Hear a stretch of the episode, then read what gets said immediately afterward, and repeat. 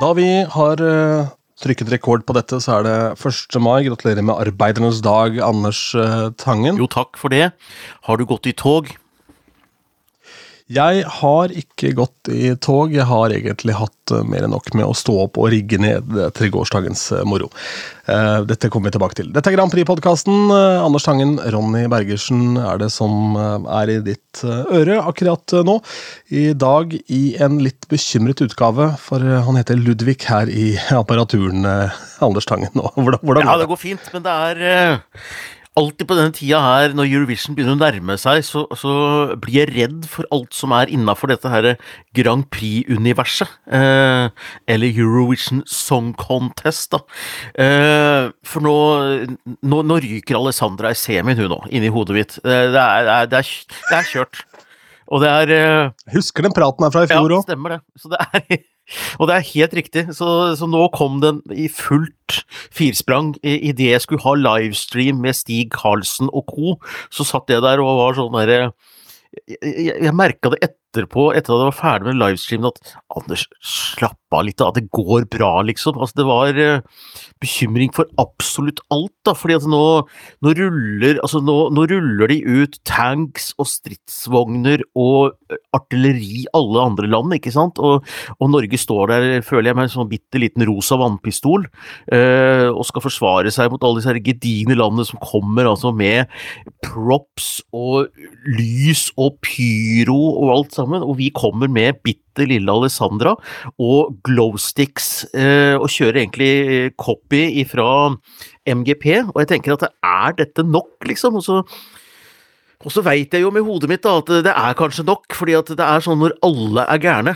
og alle stiller med rosa paljettjakker og selvlysende sko og, og eh, ligger under eh, toastjern, eller nå er det ikke toastjern, eh, Lorén, nå har det blitt mer sånn husmorvindu. For det har blitt mye tynnere og mindre, det ser veldig rart ut. Eh, og masse røyk. og eh, Finland som kom med noen europaller. Eh, alle kom med digre ting, så blir jeg liksom bekymra. Gjør vi nok? Og så veit jeg jo med hodet mitt at ja, det er det kanskje det som trengs, da. Ikke sant? Når alle er gærne. At vi på en måte stoler på blikket til eh, Alessandra og får det til å spille i ruta, da. Men eh, nei da, bekymringen er på plass, og det tenker jeg da er vi der vi skal være. Ja, det er noe med det. Og i år så er vel bekymringene om mulig da enda større enn i fjor. For i år så har vi jo dette litt favorittstempelet mm. også. Vi har jo vært der, Det er jo et land folk snakker om. Eh, mange snakket jo om de gule ulvene og syntes det var gøy, men ingen snakket om at de kom til å vinne sulamitten. Nei da, og det er eh, noen helt sinnssyke tall som jeg bare klør meg i huet på, fordi eh, vi har ikke gjort noe hopp på oddsen etter prøvene. Vi har ikke falt heller. Vi ligger liksom og vaker rundt eh, femteplass, som like gjerne da kan være tredjeplass, for det er egentlig veldig jevnt eh, oppi toppen der. Eh, men, men disse her TikTok-tallene, for det prøvene legges jo ut på TikTok, eller det legges ut klipp fra prøvene på TikTok, da, og der kan du se strømmetall. Og altså, Alessandra hadde sin første prøve i går. Og den har altså på et døgn blitt sett 1,5 millioner ganger på TikTok. Sverige, som ligger på andreplass, er sett 300 000 ganger. Så, så, det er noe med Alessandra og den låta der som har en slags sånn magi rundt seg når det kommer til sånn viral strømming. Om det gir poenger i Eurovision, det veit jeg ikke, men jeg tror at i den fanbobla så er det vanskelig for mange å se bak Lorraine. Det er vanskelig å se bak Finland fordi de er litt sånn fanfavoritter, men når du kommer ut liksom på disse der plattformene hvor, eh, hvor ting skal slå igjennom, da, så uansett hva Alessandra gjør, så får hun størst liksom strømmetall, og det er jeg, Det er nesten Jeg skjønner det egentlig ikke helt sjøl, for det er helt sånn syke tall, da. Jeg vet ikke, jeg har ikke noe godt svar på det heller, men den låta har jo da i og for seg gått viralt. da, så Det er vel kanskje det at uh, de vil jo gjerne da fòre det dyret. Jeg ser jo noen av de videoene jeg legger ut fra mine DJ-gigs, også får jo sånne uh, Ikke tall som ligner på noe av dette her, men det får jo mange tusen visninger, og det er, det er absolutt ingenting Det er eh, riktignok pent kledde voksne damer som danser til Waka Waka, som er sett liksom 5000 ganger. Ja, ja. Eh, og så tenker jeg, hvorfor er det sånn? Men det handler vel egentlig bare om at algoritmen ønsker å fòre beistet. Mm. Så folk eh, som da ser kanskje mye mer avanserte og, og kule DJ-videoer, de vil ha mer av det samme, og så slenger de inn eh, han tjukkasen fra Norge der og ser hva han har å by på. og så eh, Jeg våkna her eh, Eller våkna, jeg har vært og spist lunsj, tror jeg. I løpet av lunsjen så hadde jeg fått 50 likes da på en video. Ja. Eh, som er ganske samme opplegget, bare at de dansa til noe 70-tallsmusikk isteden. Så det er sånn, eh, og det er jo likes fra folk jeg, jeg kjenner veldig få disse her. ikke sant? Det er jo mennesker fra et eller annet sted, så da er det bare at det er en maskin som surrer og går. Og dette har vi snakka om før, tror jeg, men uh, idet jeg lastet ned TikTok og så gikk jeg på do, og da hadde jeg sett en video sikkert 70 ganger da, mens jeg hadde vært på do, for den går jo bare i loop, eh, så det er klart det, det blir litt lurt. da. Ja. Altså selve Hvor mange som er interessert i det de ser, eller hvor mange som ser det fordi det er kort og snappy og sånn. Nå I Alessandras tilfelle så er det jo låta mye brukt, sånn, så det er jo en, uten tvil en hit, men ja, da så det jeg også, forstår ikke. Nei, og seertall er nå én ting, eller antall, eh, men så er det jo kanskje enda litt mer betryggende at den også får har mye høyere vekst i likes da, enn en de andre, og det er kanskje enda viktigere. Nei, jeg har også en video på TikTok som jeg egentlig ikke skjønner hvorfor den skulle bli så svær. Jeg har sett 62 000 ganger. Det er at jeg bare, Vi tror jeg har nevnt den før. det er at jeg, jeg påviser at det er mye billigere å kjøpe godteri ifra disse her eh, hyllene med smågodt enn en sånn eh, pose. Jeg bare påviser Ja. denne forskjellen i kilopris. Det er 60 000 visninger. Så det er liksom det jeg de, som, de tror at jeg, Det er det jeg går rundt og er opptatt av. da. Legger ut masse ting fra foredrag og sånn. Null. Eller kanskje ti visninger, da. Men uh, snakk om godteri. 60 000. Mm. Men jeg ser på strømme, ikke på strømmetallene nå, bare for moro skyld. da. Jeg ser Lorraine uh, Tattoo. Det er ganske fascinerende egentlig å se hvor mye det har å si at låta er liksom i strømmeverden akkurat nå. For den er jo da nesten Den er 46 millioner, 47 millioner. Og Euphoria har liksom 150 mill. Eh, og den har jo vært en megahit i Ja. så mange år, på en måte. Eh, Alessandra har 40 millioner da på sin. Eh, Queen of Kings, da, men hun var jo et helt ubeskrevet blad da den ble lansert. Så hun hadde jo da ingen følger, ingen fans på, på eh, Spotify. Siden sist så har jeg for øvrig hørt en over tre timer lang podkast med Gunnar Greve. Oh, ja. Tidligere medlem av Spetakkel og manager for uh, flere store navn, inkludert Vinnie og uh, ikke minst Alan Walker, som er den mest fulgte DJ-en i verden på Spotify. Større enn Tiesto, David Guetta, Yes. alle sammen. Så gøy. Og mye av grunnen til det er en megasatsing i Asia. uh, selvfølgelig, for de har gått for det asiatiske markedet. Og det var eh, Jeg sendte det også på en PM, som det heter, til Gunnar, for jeg blei altså så imponert over å kunne snakke om denne type suksesser, så mye penger, strømmetall og sånn, uten å fremstå som en blærete kødd. Og i tillegg så er han fra Bergen. Det skal ikke være mulig. ikke sant? Men han hadde altså en selvinnsikt og en kunnskap eh, som jeg nesten ikke har hørt eh, maken til. Det var litt som å høre, høre vår venn Stig Karlsen snakke om Eurovision og Melodi Grand Prix. Altså sånn Han hadde stålkontroll på det han holdt på med. da. Det var en ordentlig deilig seanse. Å, så gøy. Og der fortalte de, fortalte de da at um, det er veldig fascinerende nå, for Global Top 50 på Spotify er nå veldig drevet av Sør-Amerika. Og det neste landet ut, det er India. Så når, hvis ikke på en måte modellen for den lista endres, så vil den være full av Bollywood-musikk innen noen få år. Ja, det, altså, det algoritmeverdenen er veldig rar, og jeg, jeg eh, Det har vi snakka også om før, at eh, Ja, nå Jeg sitter på en skjerm, og nå, nå fikk jeg Ja, se der, ja. Jeg Er tilbake. Jeg fikk opp et prøvebilde. Jo. Jeg vet, ikke, jeg vet ikke hva skjermen min driver med her. Ja, det er algoritmene, altså det å leve i en sånn algoritmeverden, at algoritmene skal bestemme, eh, det, det gir altså de merkeligste utslag, og det er vanskelig å holde tunga rett i munnen. Jeg måtte jo i dag eh, arrestere VG, da, og, det gikk jo, fordi jeg sa ifra, så gikk de ut og korrigerte det i artikkelen. For det sto en artikkel i dag om at eh, Sverige er favoritt, og det er det jo, så det er ikke noe bombe, det. Men de brukte noen statistiske greier, og blant annet strømmetall fra YouTube.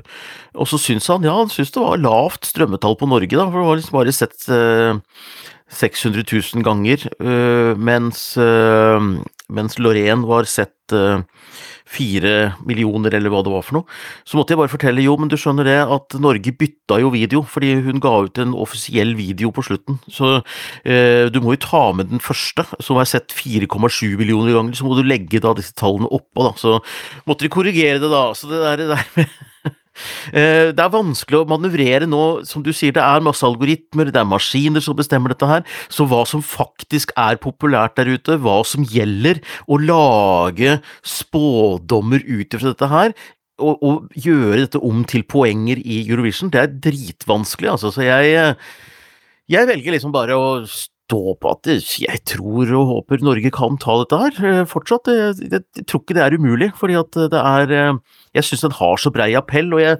velger å tro at det er ikke bare maskiner som gjør at dette her har en eller annen slags magisk appell der ute, som jeg tror er litt oversett av eh, Eurovision-fansen rundt omkring, da, fordi de er litt blinde på Lorraine, og de er litt blinde på andre ting, tror jeg. Det var fascinerende også i den praten med han Gunnar Greve som eh, Wolfgang V. var det ja. for øvrig som lagde den poden. Den ligger, ligger link under her. Og da snakka de om maska til Alan Walker. fordi fordi sant, Mange har jo tenkt at maske kan bare gjemme deg bak den. Men det var et helt bevisst valg å bruke den maska, fordi da kunne han være Han kunne være Hva skal vi si Fanebæreren for en hel haug med andre. Så hvis andre hadde innspill Altså, de kan finne på å gå inn da De har jo sånn Walker Community. kan finne på å gå inn der og be om innspill til en låt. Så kan du være låtskriveren, og så er det han som fremfører og, og fronter låtene. Så han blir på en måte din vehicle, da, ja. i mangel av et bedre norsk ord. Altså, han blir eh, personen som bringer til torgs det du har på hjertet, hvis ikke du har egenskapen til å få det ut i verden, annet enn oppi ditt eget hode. da. Eh, så det hadde vært gøy å høre om han derre Joust-fyren, og hva som er tanken bak maska der, som aldri funker. Om det bare ja, Vi gjorde jo ikke det på lansering heller, stakkar. Om det bare er eh, sånn eh, en maske som er satt inn fordi man skulle ha maske på den tida da de kom med Grab the Moment, eller om det er en større tanke bak det også. Det ja, de maskene har jo utvikla seg litt også, fra denne her maska han hadde til Subwoolfer, så det er jo Ja, en eller annen retning. Det skjedd en viss. Ja, Altså, vi snakka altfor lite om at jeg et år var DJ og utkledd som banan på halloween i forbindelse med Subwoolfer. Jeg holdt på med dette her eh, med så mye prat om Give the Wolf a banana, så har jeg vel egentlig aldri vært innom det. Jeg, jeg har ikke snakka lite om det, du har jo aldri fortalt dette her. Altså, jeg, jeg, kan ikke, jeg, kan ikke, sitte og Ja ja, har du kledd deg noe mer ut som banan i det siste? Du regner jo ikke med det. Fortell, da. Siden uh, Subwoolfer har konsert på onsdag i Liverpool, så er de jo, de er jo aktuelle, liksom. De, de og Karpe. Ja visst, mm. pokker er de aktuelle. Jeg føler føler de aldri blir uaktuelle, fordi de har en eller annen hit i en eller annen galakse et eller annet sted uansett. Nei, det var jo eh, mitt foretrukne foretrukne halloweenkostyme det året Kåre Konradi tok eh, bilder av seg selv eh, i speilet, så var jeg Kåre Konradi og hadde kjøpt meg en sånn gummisak som jeg hadde ja, ordna og styra. Så jeg var egentlig bare utkledd som en helt vanlig fyr, bortsett fra at jeg hadde da et uh, gummilem hengende ut av. Å ja, stemmer det! Å nei, det hadde jeg glemt! Det var pinlig. Kåre Konradi med gummipikk. Vet du hva, det er, det er slitsomt. Ja.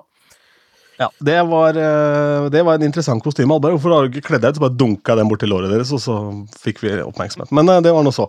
Og så kjøpte jeg et banankostyme, og tenkte ikke gjennom da altså utfordringen ved å DJ i et banankostyme. Dette er et par hodetelefoner, de har jeg på når jeg spiller. Uh, inni banankostymet ble det varmt. Jeg måtte ha på de, og da ta ledningen ut under. Og så var det også veldig fascinerende at når du gikk på do, så måtte du da løfte opp bananen, så du holdt en sånn banan over skulderen mens du tissa. Det var veldig bra. Du brukte tre plasser i den tisserenna for å få utført det du skulle. Nei, jeg skal, ja, Apropos uh, sånne rare kostymer, jeg skal til Stiklestad, jeg da, på jobb på onsdag. Eh, rett etter min daytime-jobb så hopper jeg på et fly, eh, kjører opp til Stiklestad, har en leiebil på Værnes, kjører opp til Stiklestad hotell, gjør en skjult teaterjobb som kelner, underholder litt med middag, tar flyet hjem på morgenen etter og er på jobb igjen, så later som ingenting. Eh, med parykk, da. Eh, og det, det, er et absurd liv, altså, dette her. Det er jo når du begynner å tenke på det. Og jeg bare håper jeg overlever og ikke får slag der oppe. Altså slag på Stiklestad. Ja, det hadde jo virkelig vært noe, tenker jeg. Da får du eh, Da er kanskje det er jeg som må ringe VG og korrigere det de skriver om deg. Eh, Forresten, sånn jeg kjenner deg, så er jo du en sånn ikke sånn veldig sånn konfliktglad type. Hvor, eh, hvordan griper du det an å ringe VG og justere de sånn? Er det noe du syns er Ja da, er det jeg, jeg, jeg, det var min gamle venn og kollega Stein Østbø som hadde skrevet dette her, så han er i kontaktlista mi. Så det er bare å skrive ja ja, uh, sjekk kilden din her. Uh, det er noen tall som har oversett litt, og eh, fikk et høflig ordentlig svar på det. Han vil jo ikke han, han vil jo ikke gjøre dette feil, han heller, så det var ryddig og greit. Ja, han, ja, jeg glemte at det var VG. Hadde det vært Dagbladet, så hadde det vært verre, vet du. For da har det Ja. Ja, ja, det Ja, nei, men det er faktisk Men, seriøst, det. Fordi at eh, Stein Østbø og VG har jeg oppfattet alltid som reale i dette her, og gjør, eh, skal vi si, et ærlig forsøk da på å henge med. Og jeg forventer jo ikke at en journalist i VG skal ha like koll på alle nerdedetaljer som det vi har. Det ville ha skremt meg eh, hvis, hvis Stein Østbø eller hvem som helst ellers satt liksom og uh, fulgte dette like nøye som meg. Det må de bare ikke gjøre. Men vi passer på, vi. Så uh, jeg holder grenene sammen for vår jord, så Så apropos grenene sammen, jeg føler vel det at uh, hvis vi skulle planta et tre i form av et menneske som representerte denne podkasten, så hadde det blitt vår venn Tore. Ja, helt klart. Helt Ikke klart. sant? Jeg har jo da omsider, for jeg har kjørt utrolig mye bil i eh, helgen, til spillejobber var jo da Oslo torsdag, Fornebu fredag, og så var jeg, eh, var jeg i Oslo på en konsert på lørdag, og så var jeg i Askim Kjørte til Askim da natt til søndag, for å så da rigge opp ut på Hemnes og styre årene der. Eh, og så det har vært mye farting i bil og hørt mye podkast. Da hørte jeg podkasten Anger, som er en ganske god pod. Eh, veldig flytende. Hvis du syns dette er litt rart, så er det i hvert fall helt merkelig. Men der var jo da min gode venn og kollega Markus Vangen, som jobber som produsent for Bærum og Beyer og er standup-komiker og greier. Han eh, var gjest der, eh, og da kom den podden litt seint i gang, og det var rett og slett fordi han som har den podden, han var opptatt i telefonen med, med Tore. Nei, er det sant? Tore Johansen. Han sikkert Vår Tore? Ja, ja, ja. Jeg holdt på å kjøre av veien, for bare sånn Ja, for jeg var opptatt i telefonen. Ja, nei, for du var opptatt i telefonen, sier Markus, og så svarer jeg ja, ja, med Gjertrud fra det julekalenderen. Nei, nå må du slutte. Altså, han er vår. Ja. Så um, det er, det, er, det er er flere som er interessert i Tore. Han er relevant den dag i dag. Ja, men Det er hyggelig at han slår seg opp, altså. Det må jeg si. Eh... ja, men apropos det, Men også, jeg, må bare, jeg må bare nevne det. For det er et eller annet med uh, Tore Johansen. ikke sant? Altså, vi, vi kjenner jo ikke Tore Johansen, men vi har fått et slags forhold til han gjennom denne podkasten her. Og det er utrolig hva slags mennesker du føler du kan få et forhold til, og dette er litt sånn trist. Jeg bare har jo vært fan av eh, Masterchef Australia. Har sittet og sett dette ti år sammen med kjæresten min og sånn. og så uh, Fordi det er så konfliktfritt. Det er liksom bare koselig. altså Australiere er liksom bare hyggelige. For det er uten tvil den beste Masterchef i verden. Altså Det der er liksom den hellige gral av disse Masterchef-programmene hvis du er interessert i kokkekunst. Det er nettopp det, og, og ikke minst også i Eurovision, faktisk. og Det visste ikke jeg, men vi hadde jo et intervju med Mats Tørklepp, som er innholdsleverandør og innholdsprodusent for MGP, og de sa at de har sett på Masterchef Australia som eh, mal for MGP, altså dette her med trofeet og noen bilder og måten de har bygd opp og sånt. Så det er noen linker her, og det er jo hyggelig, ikke sant. Det er feel good. Og der er det en programleder som eh, hadde sin andre eller tredje sesong nå, som heter Jock. Verdens mildeste, snilleste fyr, han også, ikke sant. Som uh, veldig tydelig person, alltid sånn dress med ulike farger og vest, og står der og liksom er sånn derre Den myke, han er skott egentlig, da. Og 46 år gammel, og plutselig i dag så leste jeg at nei, nå var han borte. Nå var han død. Og det kjente jeg liksom at Nei! Det går ikke. Og så ble jeg sånn seriøst litt sånn trist av at en TV-fyr som jeg har eh, fulgt, da, er borte. Jeg har aldri møtt fyren. Han kan hende han er verdens forferdeligste menneske på privaten, uten at jeg vet det, ikke sant. Men, men, men det, jeg satt liksom Nei, nei, nei, Jock, dette går ikke, så jeg vet ikke om jeg klarer å se, liksom. Masterchef, det blir jo hengende i bakhodet hele tida at uh, han er daud, da. Men uh, det er rart, altså, hvordan man knytter seg til folk som man egentlig ikke kjenner. Ja, og tenk deg hvor ille det er i Altså hvis man er med den økonomien som man nå er en del av som kjendis. Da, at man følger folk backstage og bak, altså, livet deres backstage basically via sosiale medier. og Hvis det er noen som deler litt med hjertet utapå, og sånn, så er det klart at da blir jo helt ekstremt. Men denne Jock må jo ha gjort et uh, vanvittig bra inntrykk via ruta, da, åpenbart i og med at du klarer å kjenne på det. Og så var det jo ung alder av sykdom. Ja, jeg veit ikke. Eh, de sa at det var Det eneste de sa, at det er ingenting som tyder på at det er noe mistenkelig eh, dødsfall. Og eh, han dagen før så hadde han jo litt eh, lagt ut et bilde på Insta av seg og Jamie Oliver som skulle være gjest i første program. Det skulle være premiere i Australia. Så jeg, jeg, tenker ikke at det er noen sånn tragedie bak det heller. Det ville vært veldig, veldig rart i så fall. Men Nei, altså, jo, han gjorde en god figur, men det, det ville vært trist om det var, var noen andre der også. Han, uh, han, var ikke noe flinkere enn de andre, men jeg bare kjente at nei, det var liksom sånn uh, Men det er jo fordi Det vet du ikke før de har dødd, da. Nei, så, nei, det er det. det er, vi får sende dem Vi får Ja.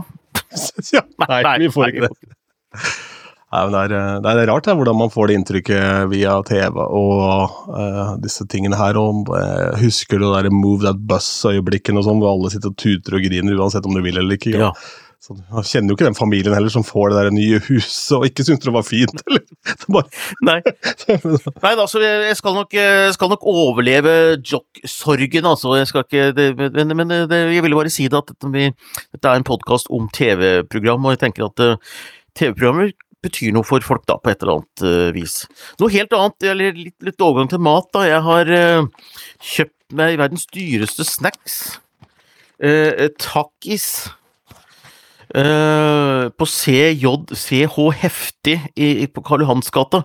Denne lille posen her smakte altså helt forferdelig. Er, nei, jeg, jeg, tror det er noe maischips. Utrolig sterkt da, eh, ekstra hot, og det er noe greit, og det ville jeg ha, men det var så vondt, liksom selve fundamentet.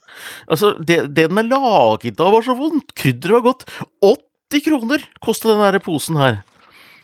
Men jeg har et spørsmål, hvorfor kjøpte du det? Fordi datteren min uh, har ei venninne som er glad i dette her, hun er åtte år da, så har en venninne som gomler takkis, uh, og hva de foreldrene får penga sine fra, vet ikke jeg da, for dette her så jeg kjøpte noe rar cola og noen drikke med Kia-frø, og uh, gikk på en skikkelig smell inni der og la igjen flere hundre kroner. For alt dette koster 80 kroner per enhet, fordi det har blitt frakta verden rundt på skip for at vi skal kjøpe tullet i Karl Johans gate, ikke sant. Og, nei, da kjente jeg på at uh, prisnivået det, men, men nå er alt i andre butikker virker superbillig i forhold. Så, så, det var egentlig en fin sånn greie med at jøss, det var billig på butikken i dag, ja. For det koster under 80 kroner. Nå er det greit. Ja. Greit med paprika til 60 spenn nå, eller hva? Ja, ja, ja 20 kroner billigere enn dette her, ikke sant. Som ikke får spist det engang. Så men det takis-greiene tror jeg er noe som har gått viralt. eller noe. Oh, ja. Som, eh, for det, det, har jeg sett på eh, noen av mine venner også har drevet og lagt ut et bilde av at de har fått tak i det. Oh, ja. Så det kan hende at det er noe som er stas. Det, ja, men Der ser du! dette her, der, Algoritmeverdenen. Der ble fanga igjen. Ikke sant? Jeg, jeg, jeg, har kjøpt noe dritt fordi at algoritmer et eller annet sted har gjort dette viralt, da, og så drar datteren min meg inn i en butikk og tar dette med seg. Mm, ja. Husker du Sjokoladeprinsen fra TV 2-programmet Skaperen? Nei, gjør ikke det. De lagde, Det var norskprodusert sjokolade som da ikke inneholdt sukker, som eh, skulle være veldig god da, ikke sant. Og da fikk jeg et sånt urge, etter, og den måtte jeg bare smake. Altså, det, Om det sto om livet. Så jeg var rundt på så mange Narvesen-kiosker i Oslo for å få tak i det her, da, til undertegnede og min kjæreste på den tida, Jeanette, som bodde på Tøyen, for å så få tak i det et eller annet sted i Oslo og ta T-banen til Tøyen for å finne ut at jeg hadde det på Narvesen også, på T-banestasjonen på Tøyen. da, Så jeg kunne drite i hele turen. Men det er så Men derfor, det var en sånn tidlig greie med om ikke det gikk viralt, så det i hvert fall kjente på dere greiene at det der må jeg få tak i og prøve nå. En nyhetsrush. Um, så gøy. Ja, det er jo Men nå er det jo uh, gjennomført prøver i ja. Liverpool, og de er lukket, men hva vet vi om de prøvene, og, og hva det bobletreffet dere mm. hadde i går kveld, da, etter prøvene, hva, hva var diskusjonen der? Altså, hva er lekkasjene? Hva, har vi noe ja, da, eh, Nei, altså det legges jo ut uh, klipp fra salen, sett fra salen, filma med helt greit utstyr, som uh, er offisielt fra EBU, som legges ut på TikTok, da, men de, de er dette er jo proffe folk, så det legges nok bevisst ut at det er litt dårlige bilder. Det er, det er sallyden som er der og sånt, og så det gir jo ikke det rette inntrykket hos noen av dem. Det er ingen som liksom virkelig skinner på de prøvene. Men eh, bare for å ta Alessandres prøve, da, så satt jo vokalen veldig, veldig bra. Det er det som er reaksjonene der ute. og at eh, fordi eh, MGP hadde autotune, og da blir det jo heftende ved de artistene greier de seg uten autotune? Nå tror ikke jeg hun brukte det i MGP heller, men det, det kan jo ikke folk der ute vite, så de er jo spent på det. Uh, og så er det da uh, prøver på fra og med onsdag, som er åpent uh, på online, tror jeg. Altså du kan se det hvis du har online akkreditering. Da kan du se, følge prøvene eh, live. Eh, og da kan det nok begynne å røre seg litt mer på oddsen og sånt, for det har egentlig stått helt stille. Men det er ett land som har eh, virkelig eh, økt på oddsen etter prøvene sine, og det er Finland, og det skjønner jeg. Det, det var, jeg er ikke så glad i låta, jeg, jeg, liker den ikke i det hele tatt. Det er én tone som gjentas, eh, og nå ble jeg veldig gammel, hørte jeg. Jeg hørte at nå var jeg 80 år gammel. Ja. Men det er én tone som gjentas, det kalles rap, og det er helt ok. Men Men når han Men, uh, men når Kerja uh, Det bildet der på prøve, han står oppå noen europaller. Bitte lille grønne mannen men så er det lyssatt sånn at han får altså en gedigen skygge av seg bak på den der svære LED-veggen. Så han ser ut som et sånt monster som står der, og det er, eh, og det er grønt. Og disse her psyko-danserne, selskapsdanserne som skal danse cha-cha-cha, eh, som ser ut som mordere. De ser ut som, som en skrekkfilm. Altså, det er, eh, det er så sykt. Jeg tror det er for sykt til at det vinner. Altså, det er det som er min tanke, og da tror jeg Alessandra er mer spiselig for mange der ute. Da. Men fy flate.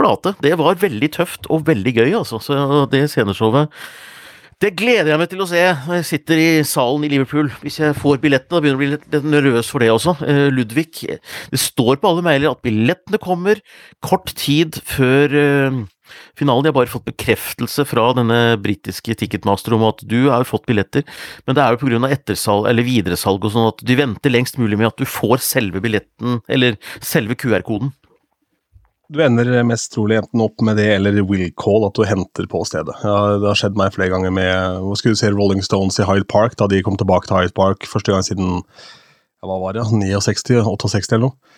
Uh, forrige gang de spilte i Hyde Park, da, uh, var premieren på um, Honky Tonk Woman Live. Okay. så lenge siden var det til Hyde Park og skulle komme tilbake.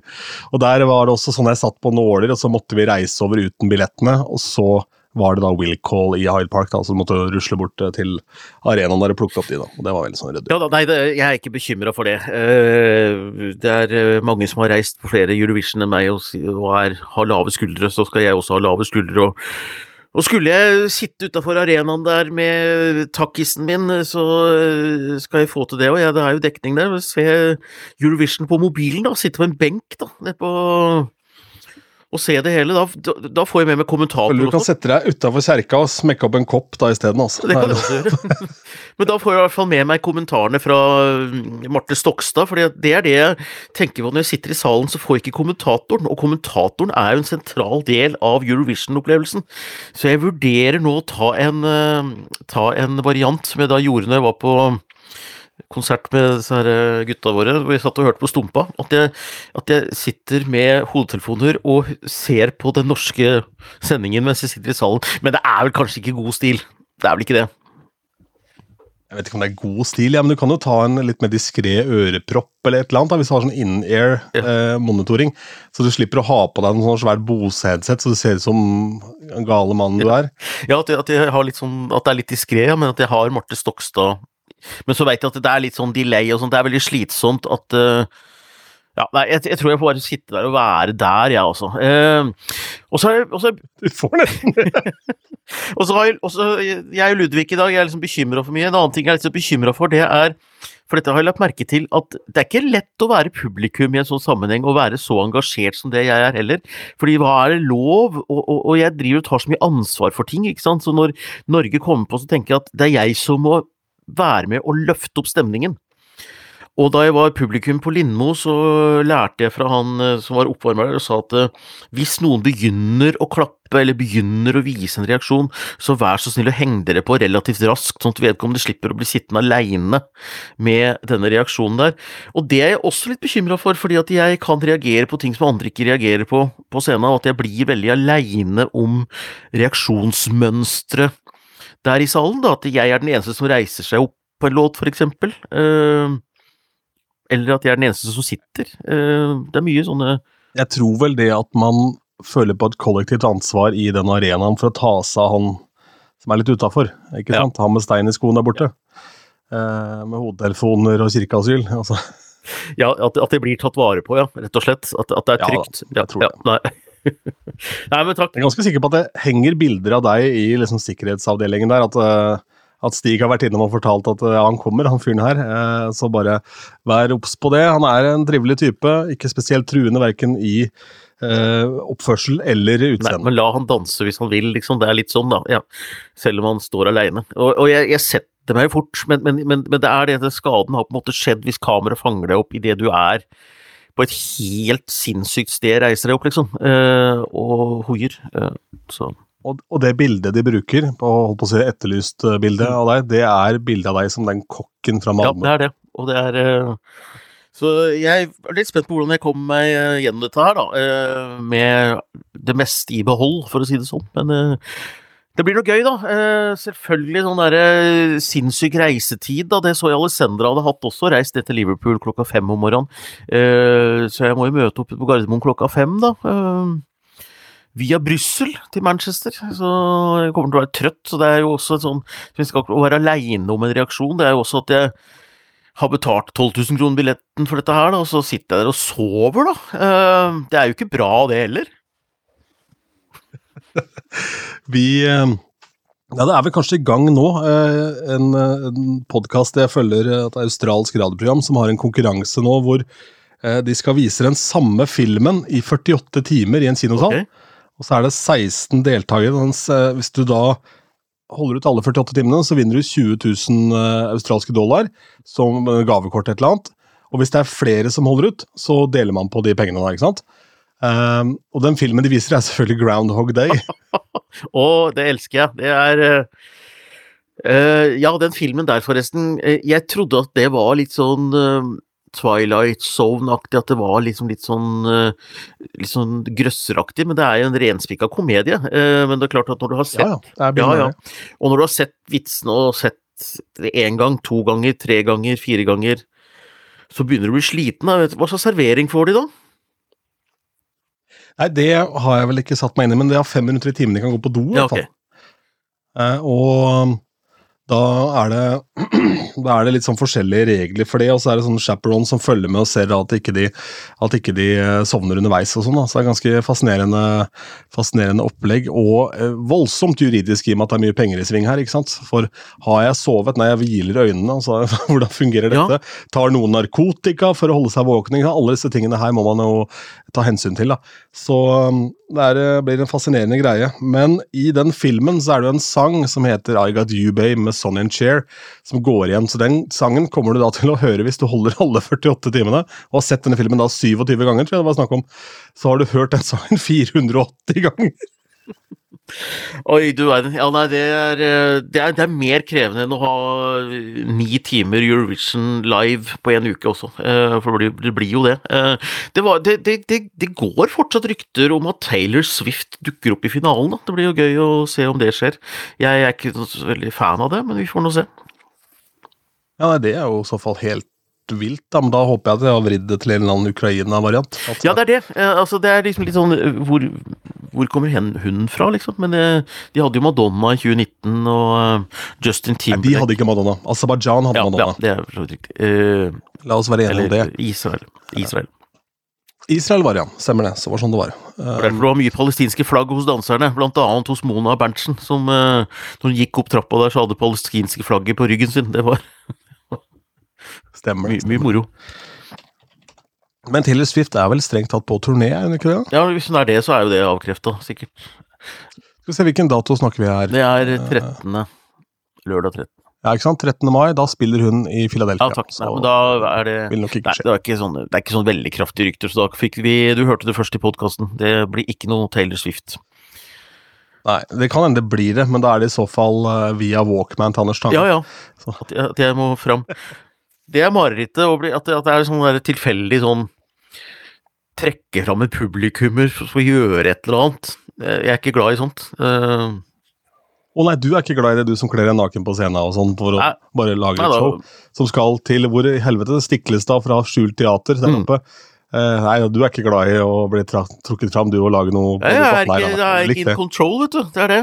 Altså, hvis, hvis jeg liksom sånn We need a volunteer. Altså, skal jeg Nei, det, men de, de, gjør jo ikke det på Eurovision. De, de tør jo ikke det. Eh, ikke med meg, i hvert fall. Nei, for det er det. For det, det, hvis de velger deg, så er ikke de in kontroll heller. Det, er akkurat det. Nei, det, jeg tror det, Nei, vet skal gå bra. Uh, dette går fint. Men det er, det er litt uh, Jeg tror uh, lytterne syns dette er litt gøy å høre at, hvor frynsete du er, hvor Ludvig du faktisk er nå. For nå er det Nå røyker det på her, Anders. Nå er det mye. Nå, også. det er Jeg kjenner at jeg er litt sånn reisenerver. Det er det er svært, da. ikke sant? Det er, det er, gøy, og det er mye som står på spill når man plutselig engasjerer seg i ting. Så Heldigvis er jeg ikke så veldig opptatt av fotball, så jeg har dette én gang i året, da. Uh, de har det jo hver helg, så uh, det går over. Jeg må si at akkurat den uka som har vært nå, så skulle jeg ønske at jeg var eh, LSK-fan og var vennlig engasjert. For når de klarer cupfinale og banker Enga i siste minutt i Derby i dag, da, Eh, på en måte på en og samme uke. Da, er det sånn, da tror jeg du kjenner du lever, ass, når du er eh, fotballfan. Ja, og jeg, eh, jeg unner det så innmari, for jeg, jeg ser jo folk jubler og dette her, og så, og så klarer jeg ikke helt å henge meg sjøl, men jeg veit jo veldig godt hva dette handler om. Uh, og Nei, så det er bare å bare å kjøre på, altså. Men, men, skal jeg ta med kokkedrakta ned til Liverpool, da? Får vel nesten det. Jeg kan kjøpe deg banankostyme. ja, det kan du også gjøre. Mm. Ja. Du, veit hva, jeg tror vi lar det bli med det. Og så tenker jeg det at uh, da vi snakker sammen neste gang Når reiser du over? Tirsdag morgen klokka fem. Tirsdag morgen, ja.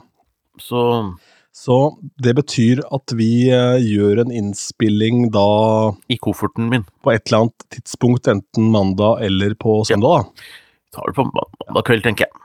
Det går bra, det. Ja. Det blir kanskje ikke så mye soving der allikevel, så nei, nei da. Men uh, dette uh, er bare å glede seg og se da hva uka bringer. For uh, det kan bli litt av en tur til Stiklestad, i hvert fall. og til Liverpool. Ja, ikke minst.